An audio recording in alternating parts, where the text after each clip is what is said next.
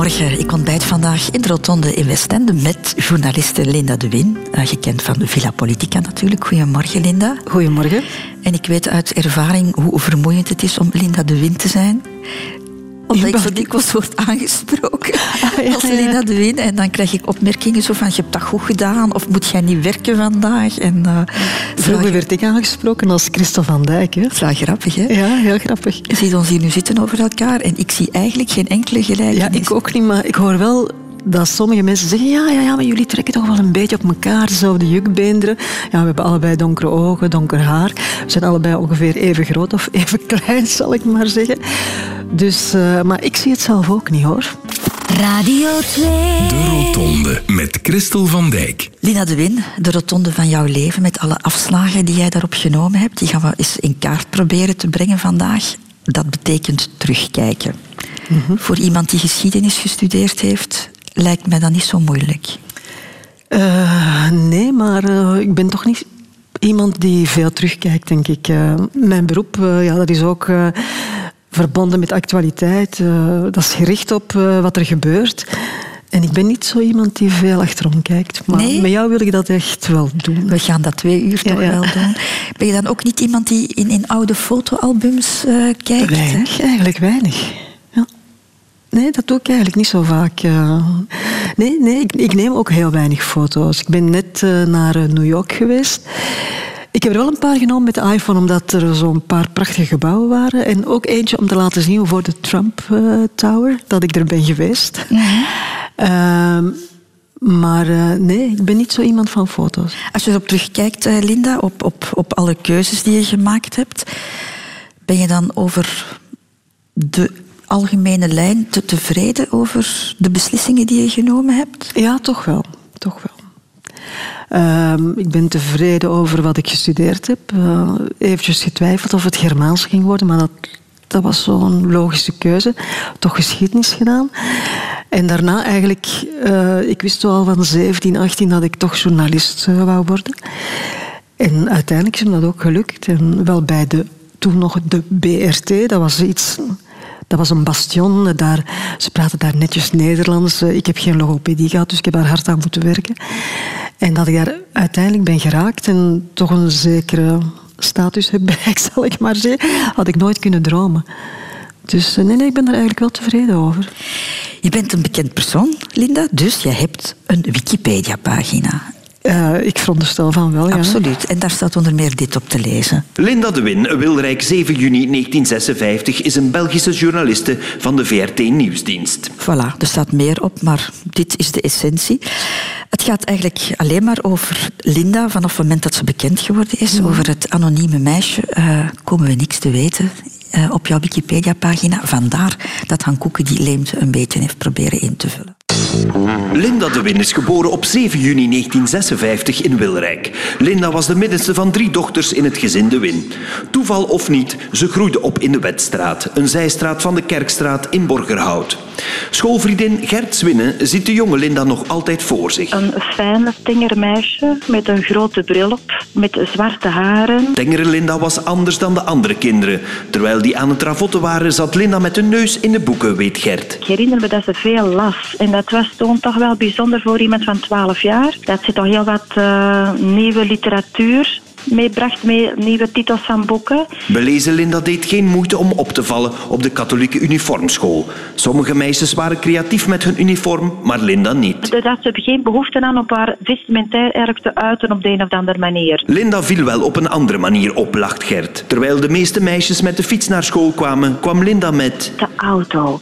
En dat vond ik ook bijzonder. Dat zij met de auto mocht, hè, nooit in de regen. Maar vergis u niet, brave Linda wist heel goed wat ze wou en vooral wat ze niet wou. En dan moesten wij soms in een beurtsysteem tussen 12 en 1 uur s middags nog de klas poetsen. Dat was niet met haar zin.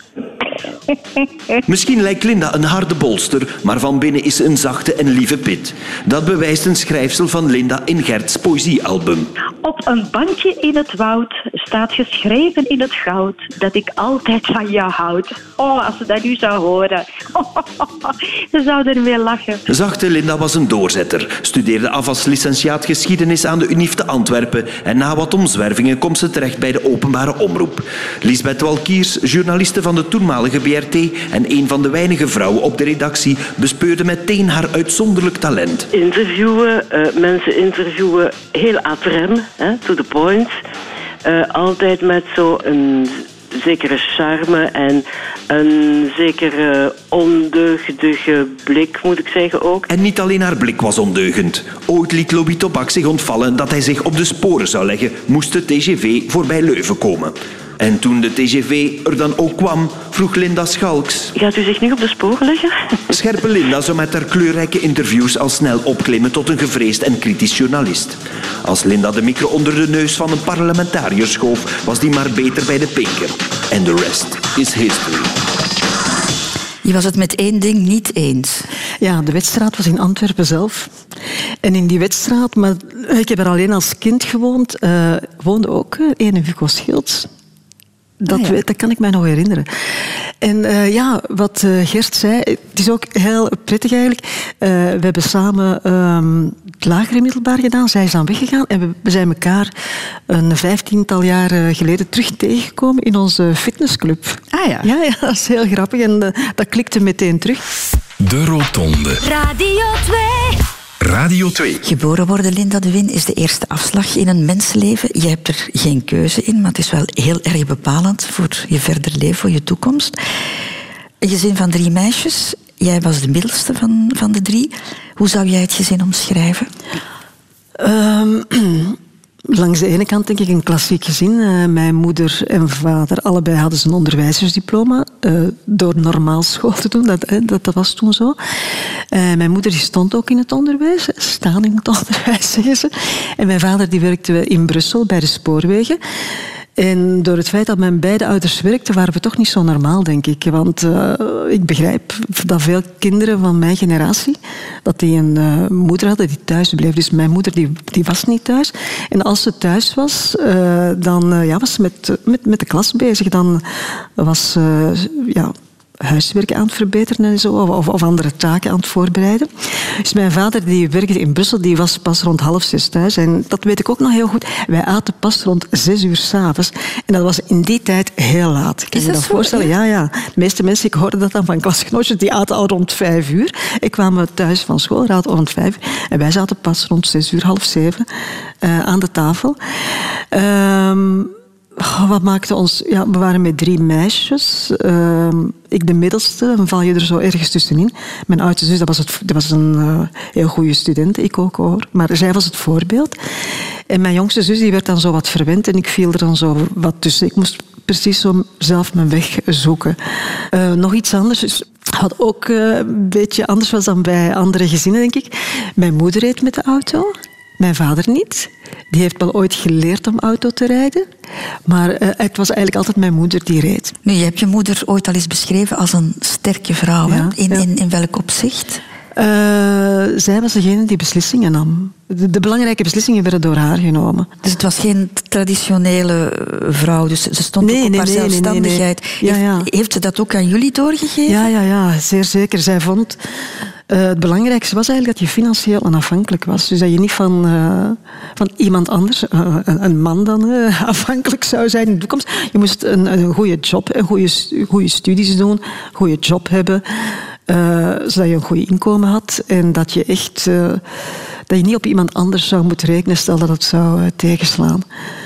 En we zijn alle drie naar de universiteit geweest. Mijn moeder en vader hebben nooit die kans gekregen. En dat vond mijn moeder ook wel een beetje zuur, denk ik. Maar mijn beide ouders die waren eh 17, 18 toen de Tweede Wereldoorlog is uitgebroken. Dus dat heeft hun kans ook wel een beetje verkleind natuurlijk. En ze zijn ook niet in een milieu geboren dat... dat ze naar de universiteit gingen en zo. Dus dat, dat vond mijn moeder en mijn vader eigenlijk ook hoor. Die vonden dat, dat vonden ze eigenlijk wel heel belangrijk. Op je eigen benen staan. Niet van iemand afhankelijk zijn. Mhm. Moest je presteren ook? Was dat belangrijk? Goh, ehm, ik moet zeggen, ik, ben ook nooit, ik was nooit de eerste van de klas. Ik was altijd eigenlijk de tweede. Er was, er was altijd iemand voor mij in de lagere school. Die is mee naar het middelbaar gegaan. Dus ik heb die heel mijn twaalfjarige schoolcarrière mee gehad. Die was altijd voor mij. Ik, ik, ik weet nog goed na- haar naam. Ingrid Paulussen heette ze. Dus ik was altijd de tweede en ik had altijd goede punten. Heb je ook leren genieten, Linda, thuis? Eh, wat bedoel je daarmee? Eh, ja, was, was er ruimte om, om, om, om te genieten van het leven? Wa- Was er fysiek contact, lichamelijk contact, veel warmte? Goh, ik denk dat mijn ouders een, eh, van een generatie waren waar. eh, nee, er was niet zoveel fysiek contact. Maar ik kan niet zeggen dat het geen warm gezin was. Het was.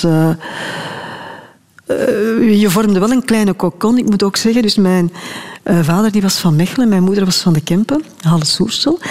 Ze zijn allebei eigenlijk weggegaan, dus weggetrokken. Wij woonden in Mortsel, daar woonde wel geen familie dichtbij. Eh, dichtstbijzijnde familie, dat was dan wel niet zo ver, maar dat was in Antwerpen, was een zus van eh, mijn moeder. En dat was ook mijn, mijn peet, eh, mijn, mijn, meet, mijn meter eigenlijk. Dus daar kwamen we heel vaak. En die vertroetelde mij heel erg. Had geen, ze hadden zelf geen kinderen. Eh, dus daar kreeg ik ook wel zo eh, geld voor een nieuw kleedje te kopen en zo. Wat bij mijn ouders er niet af kon in die tijd, want ze moesten sparen om hun huis af te betalen. En ik spreek van ja, toen ik 11, 12 was zo. Eh, en voor de rest. eh, ik, bedoel, ik, ik, ik heb niet de indruk dat ik iets gemankeerd heb hoor, maar eh, geknuffeld en zo, nee, dat werd er zo niet veel gedaan. En als het dan gebeurde, zal het eerder met mijn vader geweest zijn, denk ik. En ik, ik moest er onlangs aan denken. Dus eh, wij moesten eigenlijk niet, niet echt veel doen in het huishouden, maar één ding dat we wel moesten doen, dat was de vaat doen. Dus om de beurt, dus met de drie. En ik weet wel dat ik, toen ik zo eh, puber was, zo 14, 15, dat ik dan dikwijls vroeg aan mijn vader of hij mijn beurt niet wou overnemen. Dus de mensen was dan pas thuis van Brussel. We hadden dan gegeten. En ja, dan moest die vaat nog gebeuren. Maar ik, deed, ik ging dan liever naar de radio luisteren of eh, nog een boek lezen of zo. En dan vroeg ik, papa, kan je mijn beurt niet overnemen? En dan deed, dan deed hij dat wel. Ik heb mijn twee andere zussen dat eigenlijk nooit horen vragen, moet ik zeggen. Dus ik denk dat in die kleine dingen zat het wel, denk ik. Terwijl met mijn moeder lag ik heel dikwijls op ramkoers. Dat kan ik mij wel herinneren. Dat Ja? was, ja, ja, ja, ja, ja. Ik had een zekere koppigheid en dat had zij ook. En dat, dat, dat was echt het eh, beruchte generatieconflict, eh, laat ons maar zeggen. Dat ging, dat ging heel dikwijls over de politiek. Ja. We zullen het eens over jouw studies hebben, Linda de Win. Hoe herinner jij je schooltijd? Goh, een heel normale schooltijd, denk ik. Ehm, ik ben niet naar school gegaan in mijn eigen gemeente. Toen was Mortsel eh, nog een gemeente, nu is het een stad. Wat ik wel spijtig vind, want zo leg je ook contacten met, eh, en zo maak je vriendinnetjes. Maar mijn moeder gaf les eh, bij de zusters van Vorselaar in eh, Deurne. En die hadden graag dat dan de kinderen van het onderwijzend personeel ook naar een middelbare school ging eh, van de zusters van Vorselaar. Dus wij gingen naar Santa Maria in Deurne. Wat betekende dat de vriendinnetjes van eh, Deurne waren, of nog van verder, want daar kwamen ook kinderen uit de Kempen en zo naartoe. Wat de contacten natuurlijk na schooltijd eh, niet vergemakkelijkt. Het was niet de tijd dat ouders overal rondreden met de kinderen. Voor de rest een vrij rimpeloze schooltijd, denk ik. Eh, Ja, volgens jouw vriendin Gert was je vrij ernstig. Ja, dat denk ik. Goh, ernstig in die zin van. ehm, ja, ik, las, ja, ik was wel een beetje een nerd, denk ik zo. Dat, dat, begrip bestond toen nog niet, maar ik, ik was in veel geïnteresseerd. Eh, ik las veel, luisterde ook naar muziek. Ik was al met dingen bezig, denk ik, waar dat andere mensen niet mee bezig waren. Ik weet, ik weet nog goed dat ik was nog maar 12 of 13 en eh, ik las ook Humo al. Eh, ik luister ook veel naar Radio Luxemburg. Ik denk niet dat iemand anders daarnaar luisterde. Ik weet ook niet waarom ik daar nu bij, ben bij terechtgekomen. En daarna naar Radio One. Op een bepaald moment ben ik mij ook beginnen te interesseren voor sport. Eh, Olympische Spelen, eh, ook voetbal. Dus ik had zo'n aantal interesse waar een ander 14, 15, 16-jarig meisje niet mee bezig was, denk ik. Voel je je dan niet anders dan andere kinderen op dat ogenblik? Goh. Nee, nee, eigenlijk niet. Want dus ik heb eerst drie jaar, eh, hoe heet dat? Dus eh, gewoon drie jaar middel, eh, middelbaar gedaan, waar iedereen samen zat. Hè, dus Gert zat daar ook. En na drie jaar dan had je de keuze tussen wetenschappelijke A, wetenschappelijke B en economische. En in mijn jaar waren we met zes die naar de wetenschappelijke A gingen. En dan werden we maar bij de Latijnse gezet. Dus Latijn wetenschap, Latijn Grieks. En we zaten dan met vijftien meisjes. In een heel piepklein donker, donker klasje. En daar heb ik... Uh, dat was een, een van, uh, een van die meisjes die heb ik daar dan, uh, ont, heb ik daar dan beter leren kennen. En dat is een vriendin geworden. En ik merkte zo dat we dezelfde interesse hadden. Die was ook geïnteresseerd in politiek. En die begon ook zo'n beetje geïnteresseerd te worden in voetbal. Dus daar heb ik dan toch wel iemand uh, gevonden die een beetje op mijn golflengte zat. En ik moet zeggen, ook... Bij de, de anderen die daar zaten, dat was zo meer... Uh, ik zal niet zeggen op mijn niveau, want dat klinkt heel denigrerend, maar ik heb daar wel een aantal klasgenoten gevonden die, waarmee ik echt wel overeenkwam en waar ik mij echt wel bij thuis voelde, moet ik zeggen. En kon jij je aanpassen aan de regels en de regeltjes op zo'n school? Uh, ik heb maar één keer een strafstudie gehad, denk ik. Uh, in de eerste drie jaar dan nog. Ja, maar ik denk dat ik, dat, dat ik wel probeerde die regels een beetje om te buigen naar mijn eigen zin. Dus ermee om te gaan zodat ze voor mij leefbaar waren. -huh. Maar echt rebelleren heb ik, ik denk toch niet echt gedaan hoor. Nee. En dan ga je geschiedenis studeren? Dan ga ik geschiedenis studeren, ja. Uh, zoals ik al zei, uh, even getwijfeld tussen Germaanse en geschiedenis, maar goh, Germaans, dat deed er zoveel. En de geschiedenis, dat boeide mij wel echt. En we hadden de drie laatste jaar ook een echt goede, een goede leraar geschiedenis. Die dat echt gepassioneerd gaf, die het ook niet alleen had over de Grieken en de Romeinen, maar ook over actuele thema's. En dat was dan de Praagse lente, Vietnam, die dat uitlegde. En ik begreep toen al wel van, als je conflicten van nu wil begrijpen, dan moet je eigenlijk naar het verleden gaan kijken. En ik was ook geboeid door... Ik las de krant. Ik denk dat er niet veel meisjes uit de klas de krant lazen. Uh, dus ik volgde ook al wel het journaal op televisie. Ik weet niet of het toen was of het een beetje later was, maar ja, toen een nieuwe generatie... Dus het nieuws dat was ook eigenlijk op de BRT. Hè. Dat was vrij saai. Een grijs decor, grijze mannen. Maar dan had je ineens een frisse lichting. En ik weet nog goed, dat was met Johan de Poorteren, Bavo Klaas, uh, Peter Kremers. en dan de rest ben ik William van Laken. En ik had zo wel een boontje voor Johan de Poorter, dat weet ik nog goed. Ja, ja, ja. en ik dacht, hmm, dat vond ik wel... ik vond die knap en ik vond die ook goed. En die, die zag er goed uit, sprak mooi. En ja, ik begon toen een beetje te dromen van de journalistiek. En dan leek mij geschiedenis eigenlijk wel een goede basis want uh, toen, je kon ook licen, uh, licentiaat in uh, pers en communicatie doen, maar daar werd zo minnetjes over gedaan, zo van, ach, dat stelt niet veel voor.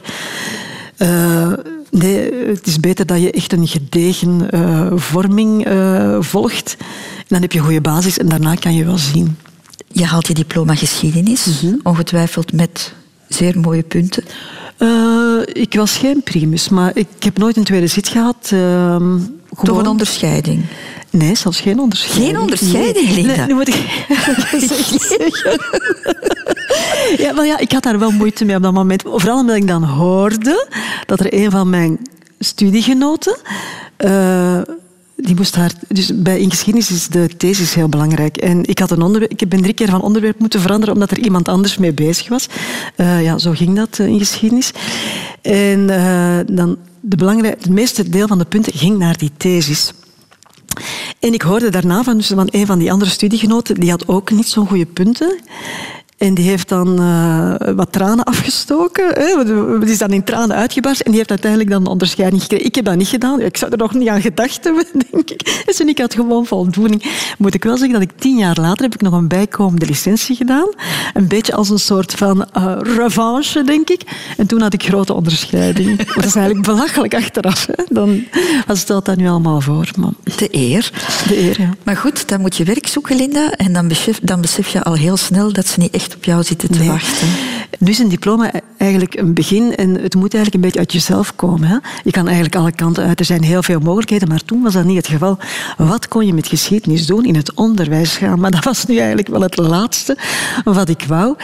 Uh, ja, ik had gezien hoeveel mijn moeder daarmee bezig was en zij stond maar in het lager onderwijs. Eh, ja, maar na een aantal maanden ben ik dan toch opgebeld door de RVA, heette dat. En ik moest een interim gaan doen. Het was in het Sint-Agnes-instituut in Hoboken. Bij de afdelingen boekhouden, handel en dat soort uh, toestanden. En dat was eigenlijk echt niet met mijn zin. Uh, en dan heb ik ook, ik, ik, heb dat, wel gedaan, maar je moet goed weten, ik was pas afgestudeerd en dat, dat, dat, verliep ook wel zonder veel problemen. Het zal ook wel niet schitterend geweest zijn, denk ik, want het, is mijn eerste, het was mijn eerste werkervaring. Maar ik heb toen wel beseft, onderwijs, als, als ik het al niet wist, dat is echt niks voor mij. Ook zo die leraarskamer en oh nee, dat is echt niks voor mij. Dus dan heb ik uh, uit pure ja, armoede, denk ik, heb ik me gewoon ingeschreven. In het interimkantoor ben ik bij BNP Fortis Paribas, uh, nee, toen was het gewoon Paribas, was het toen nog, terechtgekomen. Ook ergens is in de haven invoices gaan opmaken en zo. En ik heb tussendoor wel eens meegedaan aan het examen voor de BRT, heette dat toen nog. Maar uh, het eerste wat je daar moest doen, dat was een stemproef. En dan kwam dat hele dat, dat, dat, examen dat bestond uit vier of vijf onderdelen, dat bijna een jaar duurde. Maar die stemproef, dat was voor mij eigenlijk... Uh, ja, ik wist, ik, ik raak daar niet door. Ik was dan af en toe wel een beetje met logopedie bezig. Maar uh, je moest ook een tekst kunnen lezen. En uh, ja, als je geschiedenis hebt gedaan, uh, ja, dan, dan, kan je dat uiteraard niet. Je kan daar wel een beetje aan werken. Maar tast het allemaal jouw zelfvertrouwen niet aan, Linda? als je zo een aantal jaren dingen moet doen ja. waar, waarvan... Ik moet wel zeggen, ik was dan al wel met journalistiek bezig, want ik heb dan wel wat gefreelanced. Dus ik heb voor KNAK geschreven, voor Sportmagazine ook. Dus ik was daar al wel een beetje mee bezig. En dan groot geluk voor mij. Dan kwam VTM en een heleboel uh, journalisten die gingen naar VTM, want het was een groot uh, nieuw huis, nieuwe kansen. En dan werd er opnieuw een examen uitgeschreven, maar dan kwam de stemproef achteraan. En ik denk dat de VRT, de BRT was toen nog, maar ik ga voor alle makkelijkheid nu maar VRT zeggen, dat de VRT toen geredeneerd heeft. Uh, de mensen die door al die onderdelen zijn, en dat waren er ook niet zoveel, denk ik, een stuk of 20, 25, zelfs als ze niet door die stemproef zijn, we gaan ze in het begin laten zitten. We werden dan deskjournalisten genoemd. Het was in het begin ook niet de bedoeling dat we voor de microfoon gingen komen. Uh, achter de microfoon. En daarna we gaan ze wat opleiden en daarna zullen we wel zien hoe ver we geraken. En dus door dat examen ben ik geraakt. -hmm. Maar eerst heb je nog heel erg je best gedaan om sportjournalist ja, te worden. Ja, ja, Want dat was eigenlijk jouw, jouw grote droom. Uh, dat was eigenlijk, ja, dat moet een stukje eerder geweest zijn.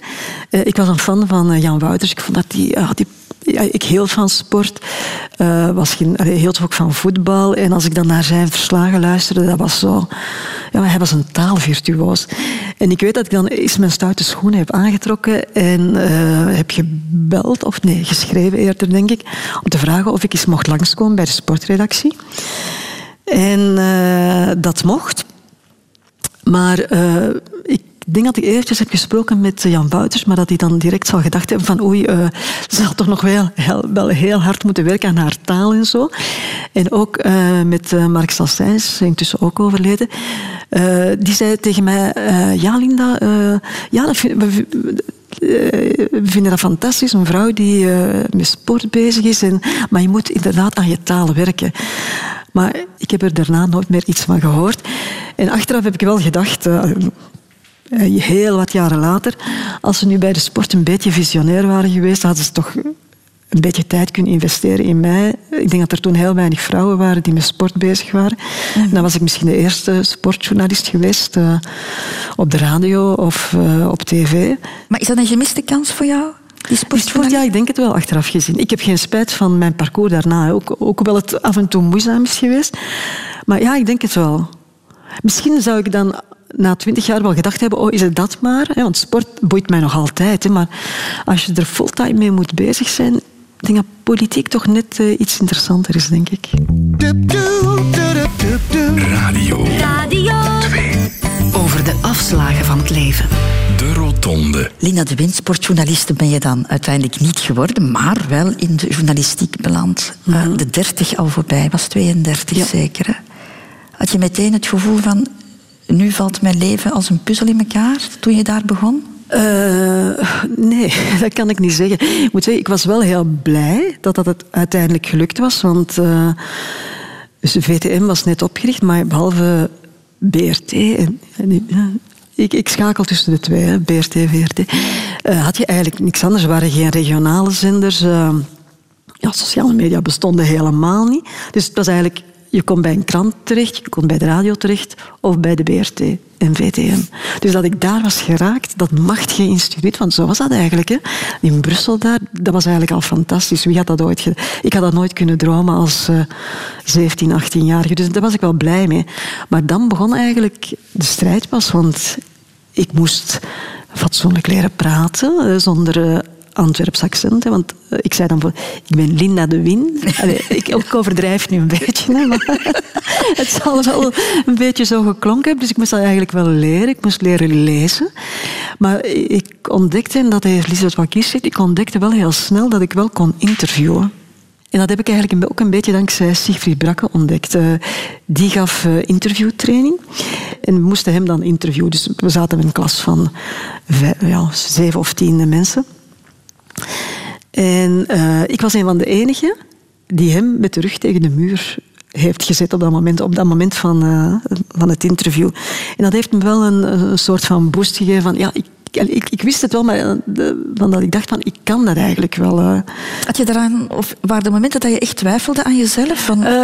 Als ik het nieuws moest gaan lezen, voelde ik mij absoluut niet, uh, niet, niet, echt vol uh, zeker. En, uh, ik, ik, wist niet, ik dacht, oh, dat klinkt toch eigenlijk echt niet goed. Dat is mijn ding niet, maar ja, je moest eigenlijk alles doen. Hè. Je moest, nu, nu, heb je de mensen die het nieuws lezen en je hebt de mensen die reportages maken en de mensen die veel mhm. interviewen. Maar toen moest je eigenlijk als journalist alles doen, want natuurlijk, je, je was een generalist.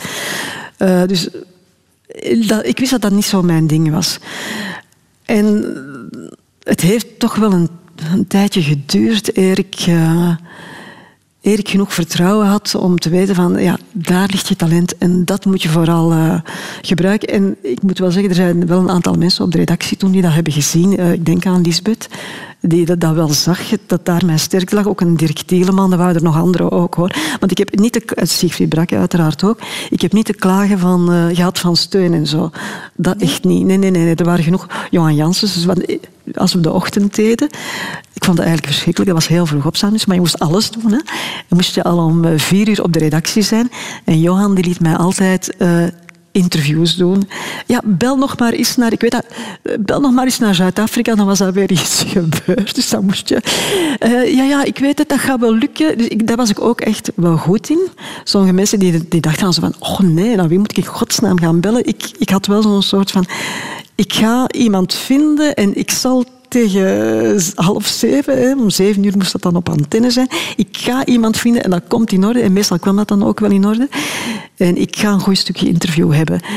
Maar het zijn de mensen eigenlijk rondom jou die, uh, die je dat vertrouwen moeten geven. Hè. En gelukkig waren die er op de redactie. Dus na een aantal jaren heb ik eigenlijk wel uh, mijn draai daar gevonden. Er zit iets er zit iets heel contradictorisch ook in jou. Hè? Van de ene kant zeg je ik ben timide en je hebt in, zeker in die beginjaren heel weinig zelfvertrouwen gehad. Maar van de andere kant was er een enorme dosis strijdlust ook.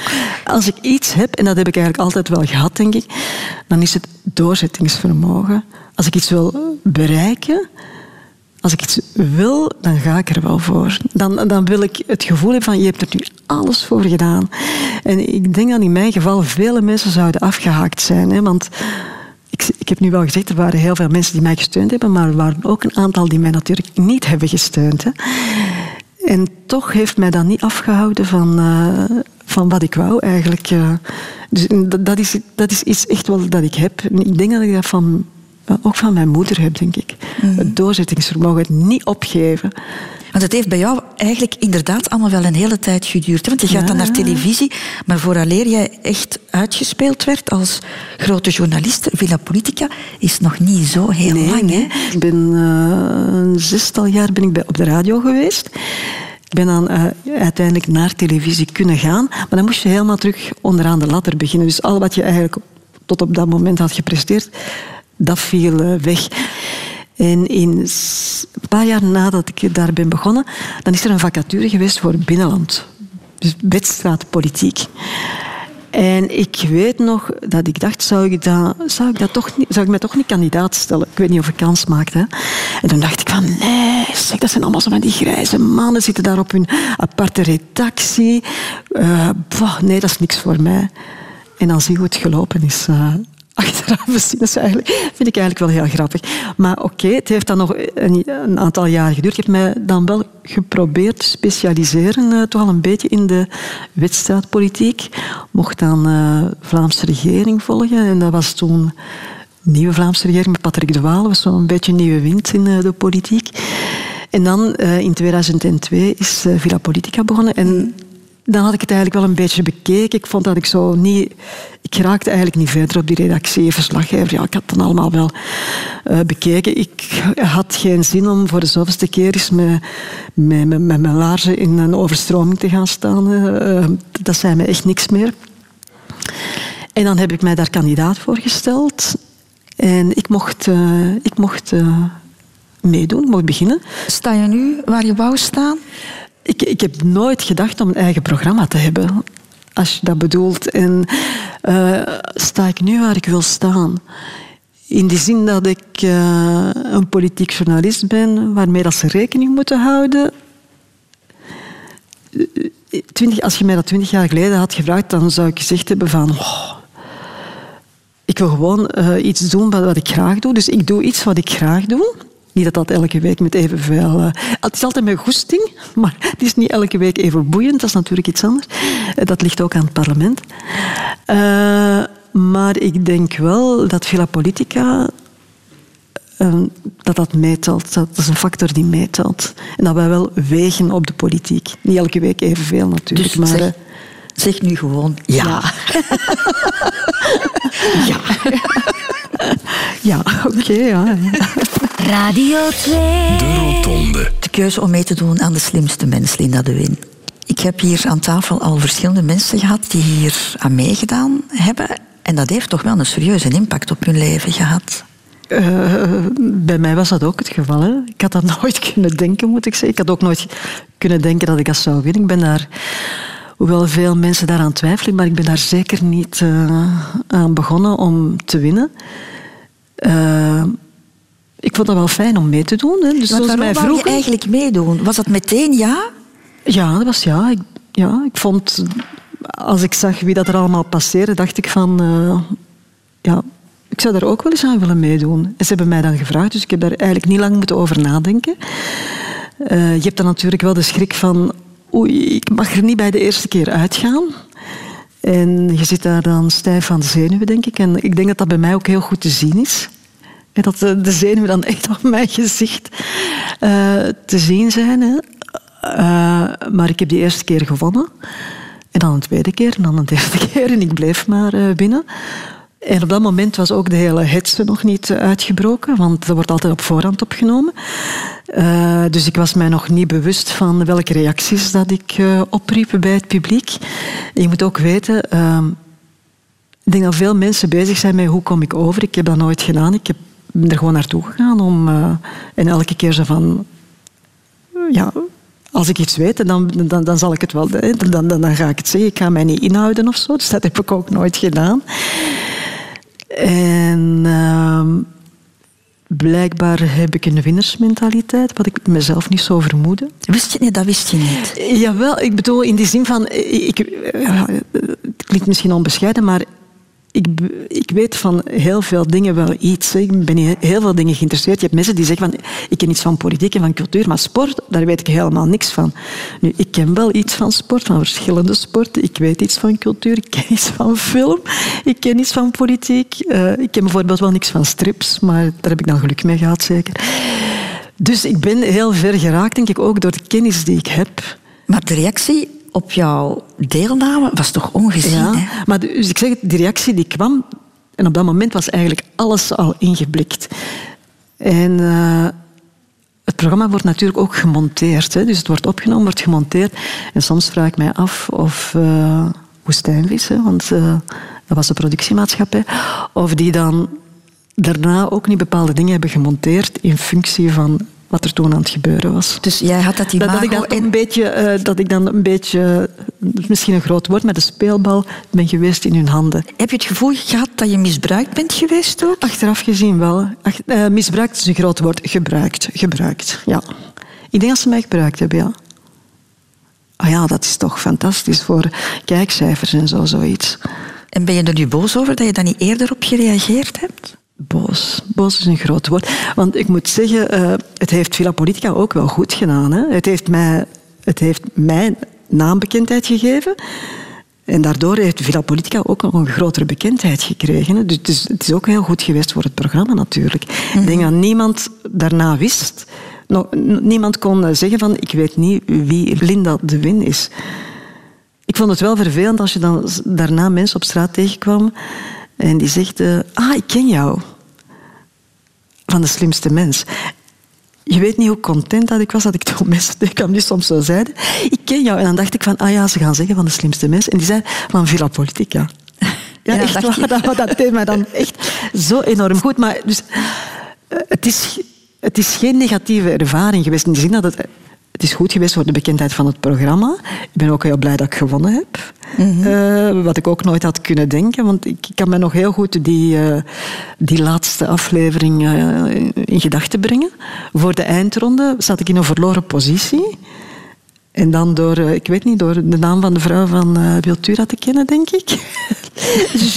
Dat heeft mij gered. En zat ik ineens, in plaats van Bent van Looy, zat ik ineens in de finale. Dus, uh... Dat is zoiets jouw zelfvertrouwen dan aan? Als, als mensen zo reageren op, op jouw verschijning en op jouw persoonlijkheid? Nee. Nee.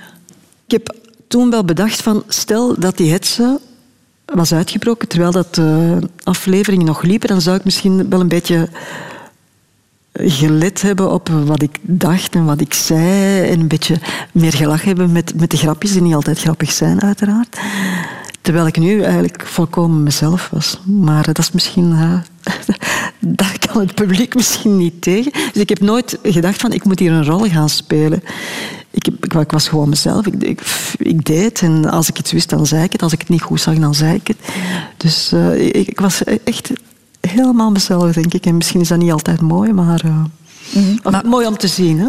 Dat wat zeggen, jou sterk maakt in Villa Politica, die verbetenheid en, ja, en, dat, en dat doorgaan. Daar, ja, hè, over over de draad klimmen om Alexander de Groot te kunnen interviewen, wat dan niet mag. Dat, dat is daar jouw sterkte en dat was daar jouw zwakte.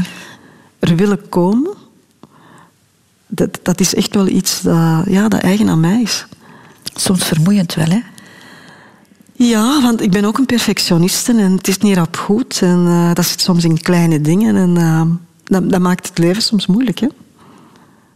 Dat, dat, gaat zo van uh, op reis gaan in een hotel moeten zoeken. En sommige mensen, als ze vijf hotels hebben gezien, dan zullen ze het hotel wel gevonden hebben. Maar ik wil er wel twintig of dertig zien, denk ik. en dan is het dikwijls nog niet het goede dat je, dat je gekozen hebt. De Rotonde. Radio 2. Radio 2. De liefde, Lina de Win, had jij daar als jong meisje bepaalde dromen over? Oh. Ik heb nooit gedroomd van huisje, tuintje, denk ik. Nee. Dat, of een gezinnetje, nee. Nooit. Dat had je van thuis van de ene kant ook niet meegekregen. Nee, nee, nee. Want, want jouw denk... moeder die, zich, die jou stimuleerde tot zelfstandig ja, te zijn. Ik denk ook dat in andere tijden mijn moeder nooit getrouwd zou geweest zijn. Niet dat ze niet gelukkig was met gelukkig met mijn vader en zo, en met ons drieën. Maar ik denk dat in andere tijden dat zij niet getrouwd zou geweest zijn. Mijn twee zussen zijn overigens ook niet getrouwd.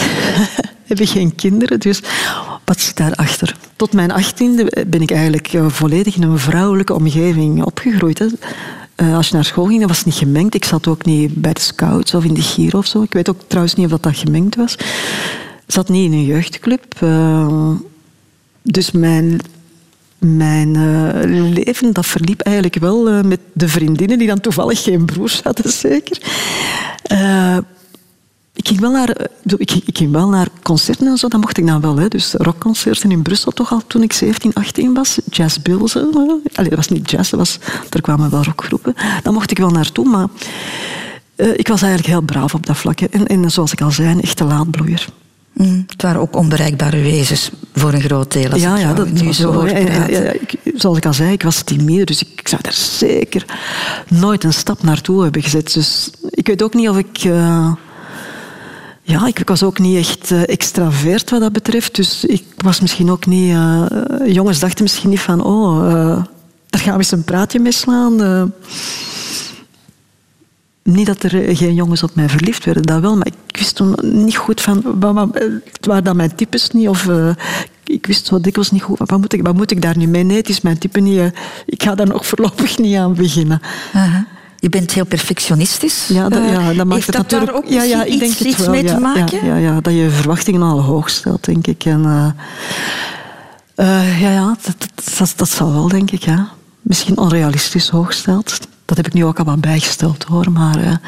Zijn ze ooit ingelost geweest, jouw verwachtingen? Uh... ja, ja, toch wel, ja. ja. Aarzelend. ja, ja, omdat, goh, moet ik dan nu zeggen, uh, de perfectie is niet van deze wereld. Het bestaat trouwens ook niet.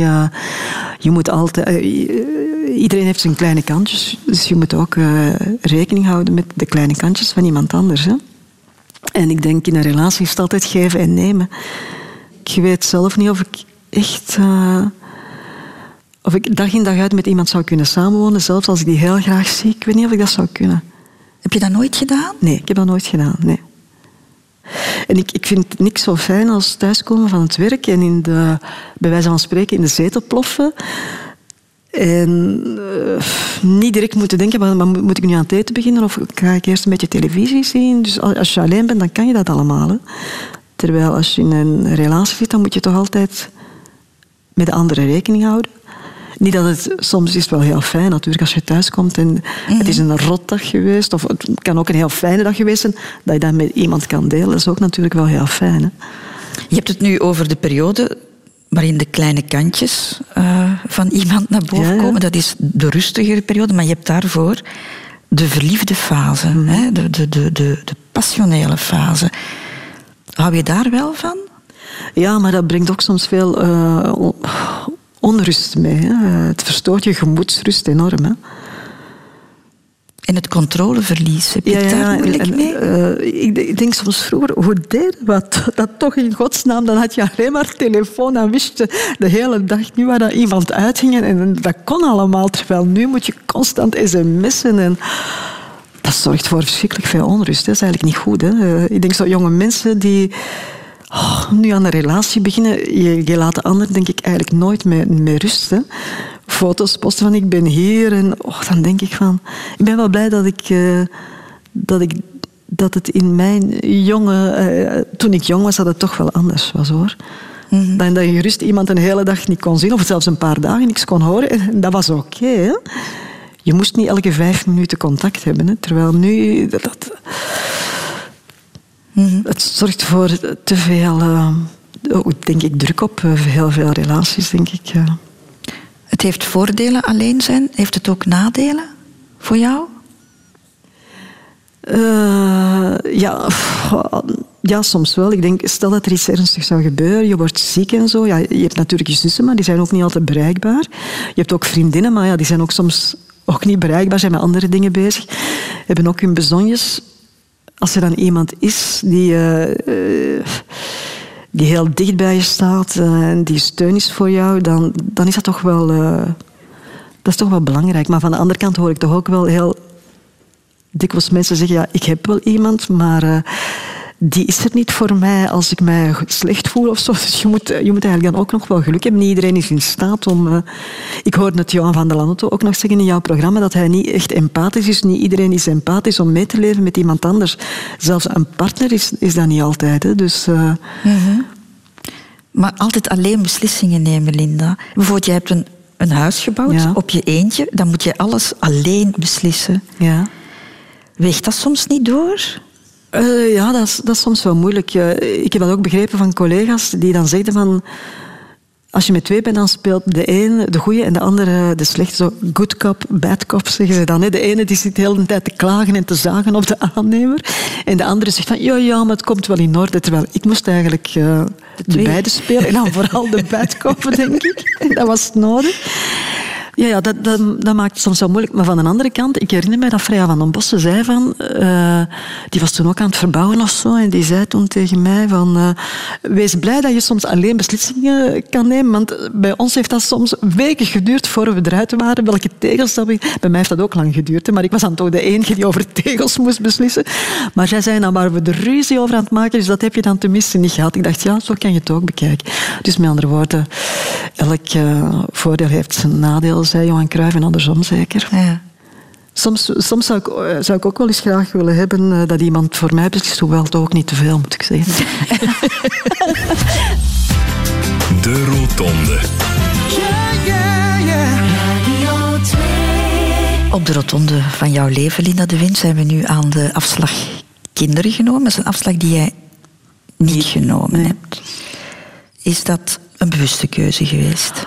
Oh, uh, ik denk in, in, in, het begin niet. Uh, maar zoals ik al zei, ik ben er ook nooit mee bezig geweest. En uh, het vreemde is, dus ik heb behoorlijk wat vriendinnen en vrienden. Er zijn er toch een heleboel die ook geen kinderen hebben. Jouw zussen ook niet? Mijn zussen ook niet, maar dus een aantal vriendinnen ook niet. En dan de vriendinnen die wel kinderen hebben, dan vraag ik mij soms af, ik heb die blijkbaar... Zij hebben mij en ja, dat heeft dan waarschijnlijk met mijn job te maken. Maar ik heb hen ook een hele tijd uit het oog verloren toen die kinderen klein waren. Dus ik ben daar eigenlijk ook... Ik, ja, ik, ik ben daar ook nooit bij betrokken geweest toen die kinderen klein waren. Dus ik denk dat ik eigenlijk weinig... Ik, ik heb eigenlijk weinig met kinderen. Terwijl ik merk wel, dus als, uh, ik heb een fantastische schminkster, Rosalie. Zij heeft drie kinderen. En uh, zo af en toe brengt ze die dan wel eens mee op de VRT op een vrijdag. En dat klikt dan wel. En, en, en, de kinderen die hebben niet zoiets van, wat voor iemand is dat? Dus, dus dat gaat wel. Hè. En zij heeft dat ook al gezegd. Ah, zeg, die heeft wel iets met jou of zo. En dan denk ik, ik moet zeggen, ik ben altijd verbaasd. Omdat, ja, ik heb, er niet, ik, heb, ik heb niet de om met kinderen om te gaan, maar het gaat dan blijkbaar toch in die, in die beperkte momenten wel een beetje af. Maar ik zal niet als iemand met een babytje afkomt die in mijn armen nemen of zo. Nee, ik ga er wel eens over hangen en, ik kom daar wel eens aan, maar ik ga dat niet spontaan in... Nee, ik zou bang zijn om dat te laten vallen, denk ik. En dus bij sommigen... Dus ik heb een goede vriend, Bob heet hij, en hij heeft twee, een tweeling, uh, twee tienerzonen, en die studeren. Uh, 20 en 21. En als hij erover praat, moet ik zeggen, ik vind dat echt dat, ik vind dat bijzonder. En hij heeft daar ook een bijzondere band mee. En daar ben ik wel soms een beetje jaloers op. Als ik zie hoe goed dat klikt en dan zegt hij, ja, ik ben uh, met mijn twee zonen op restaurant gegaan en dan zie ik hoe hij hen toch een beetje verwend en zo wat hier wat toestopt en daar wat toestopt. Dan zeg ik, alleen popje, uh, ze hebben toch ook allebei, ze klussen wat bij. Ja, maar het zijn mijn zoons en ik heb er maar twee. En, dat, dat doet me wel iets, moet ik zeggen. En als ik hem bezig zie met hen, ja, vind dat wel mooi hoor. Maar ik, ik weet niet hoe ik met mijn job daarnaast nog kinderen zou kunnen gehad hebben. Ik, heb heel veel respect voor collega's die, die dezelfde job hebben als ik, eh, onregelmatige uren, dan nog kinderen. Dan denk ik, hoe doen ze het? Er echt heel veel respect voor. Ja, het heeft jou veel vrijheid gegeven ook natuurlijk. En, en... Ja, ja, ja. Maar eh, ik bedoel, er zijn er die even ver zijn geraakt als ik. Dus dan denk ik van, het heeft hem, ze hebben waarschijnlijk veel minder tijd gehad voor zichzelf. Hè. Dus het het is misschien een beetje een egoïstische keuze van mij geweest. Eh. Maar eigenlijk heeft het moment zich nooit voorgedaan waarop ik dacht van met die of die wil ik een kind, of misschien zelfs... Eh, ik, heb ooit een vriendin gehad, of iemand gekend, die zei van... Eh, als ik nu niemand meer tegenkom, dan word ik wel een bewust ongehuwde moed. Uiteindelijk is het niet zo ver gekomen, is iemand tegengekomen. Maar dat, dat, dat zou bij mij nooit zijn opgekomen, nooit. Maar zijn er momenten geweest tussen je 20 en je 40 of je 30 en je 40 dat je er wel mee bezig was? Nee. Dat je dacht van, nu moet ik een beslissing nee, nemen? Nee, helemaal niet. Nee, nooit. Heb je het gevoel dat je soms moet verantwoorden voor het feit dat je die keuze gemaakt nee, hebt? Nee, nee, eigenlijk niet. Nee. Misschien ook omdat eh, ik heb twee zussen die ook geen kinderen hebben. Uh, ik zeg een aantal vriendinnen die er ook geen hebben. Ik denk, we leven toch ook in een tijd waarin dat niet meer allemaal zo... Waarin dat er toch een, eh, veel meer vrijheid is wat dat betreft. Gelukkig maar. Mm, maar sommige mensen vinden het nog raar. Een, een, een vrouw zonder moederinstinct. Eh, ik vind, het, eh, ik vind het eigenlijk vreemder dat iedereen... Dat sommige mensen het nog vanzelfsprekend vinden om kinderen ter wereld te brengen, vind ik. Dat, dat vind ik eigenlijk. eh, dat het de normaalste zaak van de wereld is. Terwijl, ja, we zitten nog met overbevolking. eh, de tijden zijn ook niet zo eh, vanzelfsprekend gemakkelijk. ik vind het ook niet een makkelijke wereld om, voor een kind om op te groeien. Als ik, dat dan, als ik erop terugkijk, wij hadden een vrij zorgeloze jeugd, vond ik. En dat had niks met materiële dingen te maken, maar gewoon eh, de druk op, een- op ons was veel kleiner. Terwijl nu een kind van jongs af aan wordt eh, idealen ingeprint, schoonheidsideaal. Daar waren wij toch absoluut niet mee bezig. Allee, ik toch niet, hè, hoor. Nee, niks.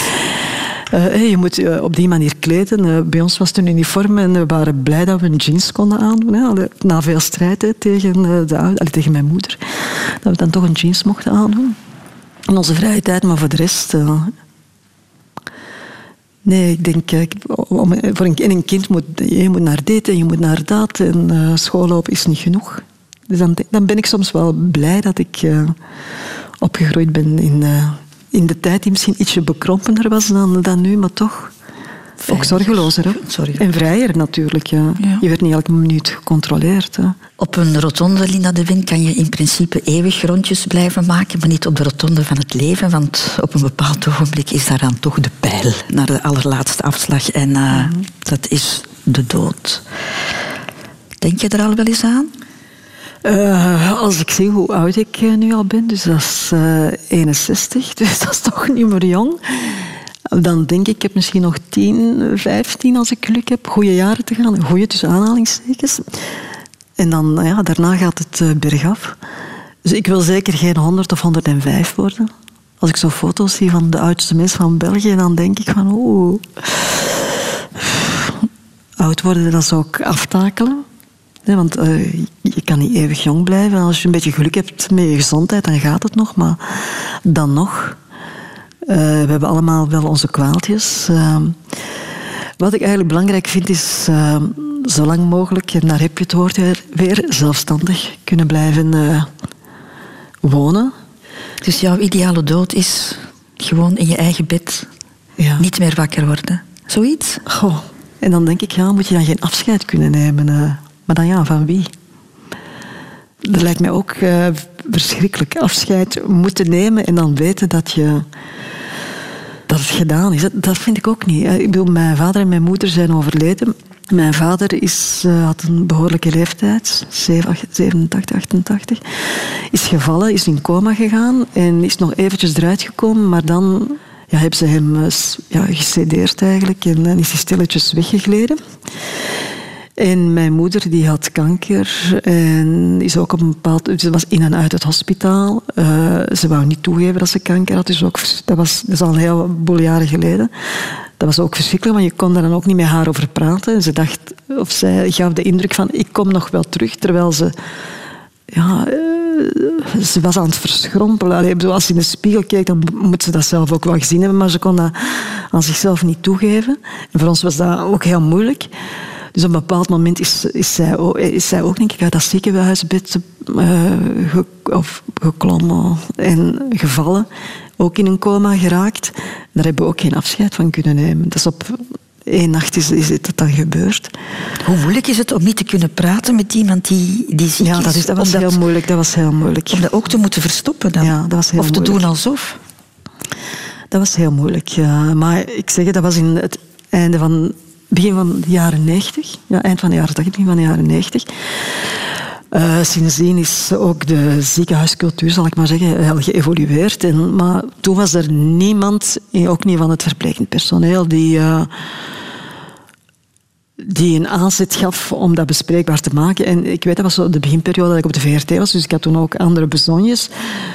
Dus ik ging, ik ging dat ook uit de weg, ik geef dat eerlijk toe. Je probeerde het haar dan zo gemakkelijk mogelijk te maken. En je ging mee in haar verhaal, want ja, je bent dan niet... eh, je, je hebt je werk, eh, daar moet je je weg banen. Dus je hebt dan geen zin nog in een harde confrontatie. Dus je probeert dat eigenlijk zo makkelijk mogelijk te laten verlopen. Maar dat was niet gemakkelijk, hoor. Dus dat is een beetje laf natuurlijk, hè.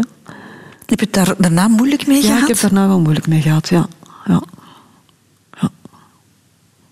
Maar ik weet niet of, eh, of het voor haar makkelijker zou geweest zijn om dat bespreekbaar te maken. Dat weet ik eigenlijk niet. Ik denk dat ze het gewoon niet wou zien. Want ik was toen, uh, ik was toen volop uh, bezig, dus ik had nog niet zo lang mijn huis gekocht.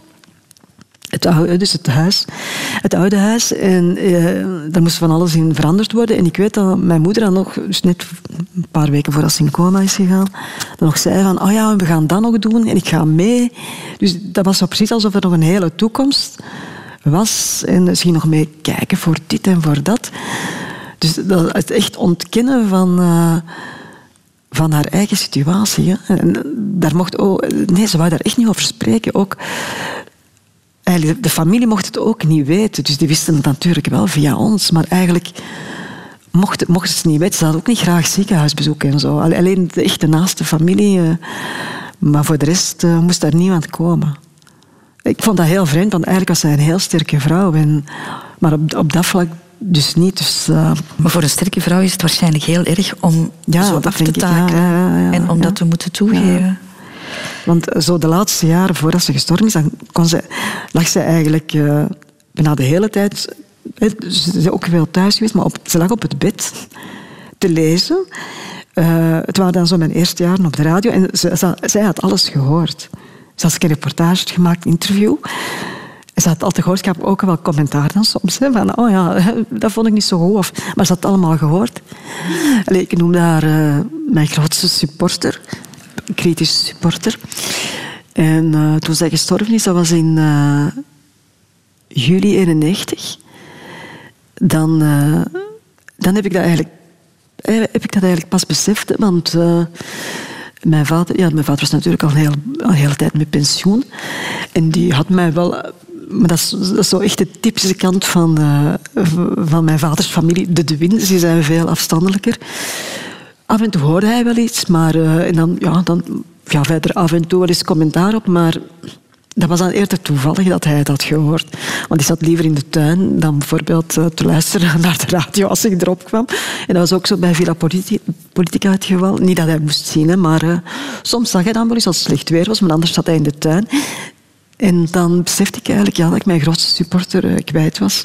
Want vrienden, in het begin is dat heel belangrijk, hè, dat, dat vrienden en vriendinnen en, en, en, en dat, je ouders en, en, de zussen, maar ja, die hebben natuurlijk gemerkt dat, dat ze horen wat je doet, want je hebt, je hebt bevestiging nodig. Je hebt iemand nodig die zegt van, hè, als je geen partner hebt, heb je dat nodig. Van iemand zegt van, je hebt dat goed gedaan. En dan heb ik echt wel beseft van, uh, ja, ik heb mijn grootste supporter verloren.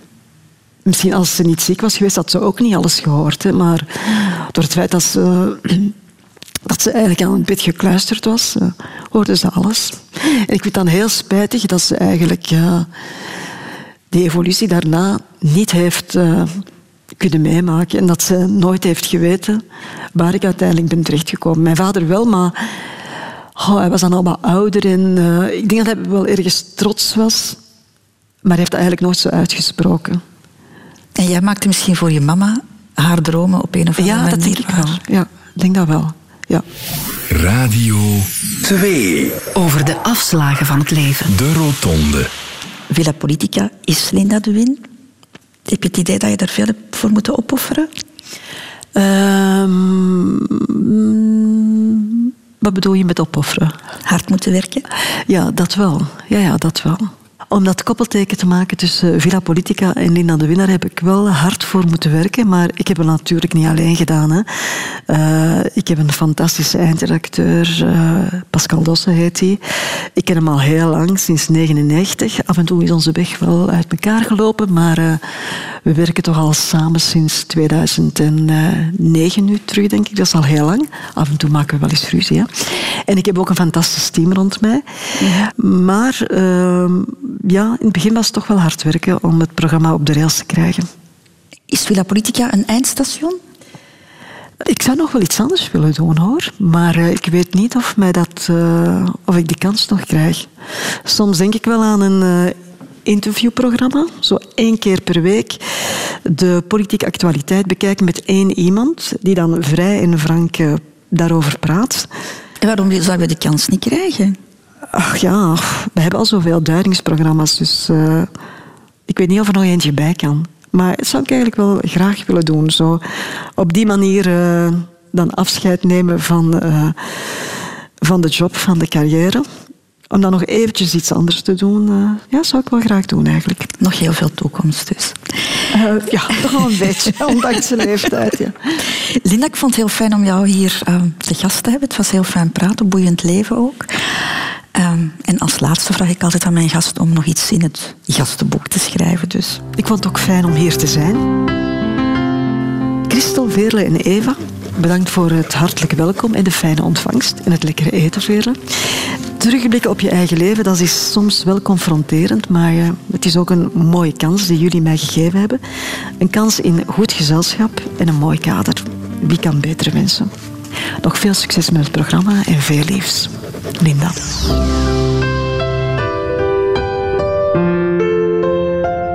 Radio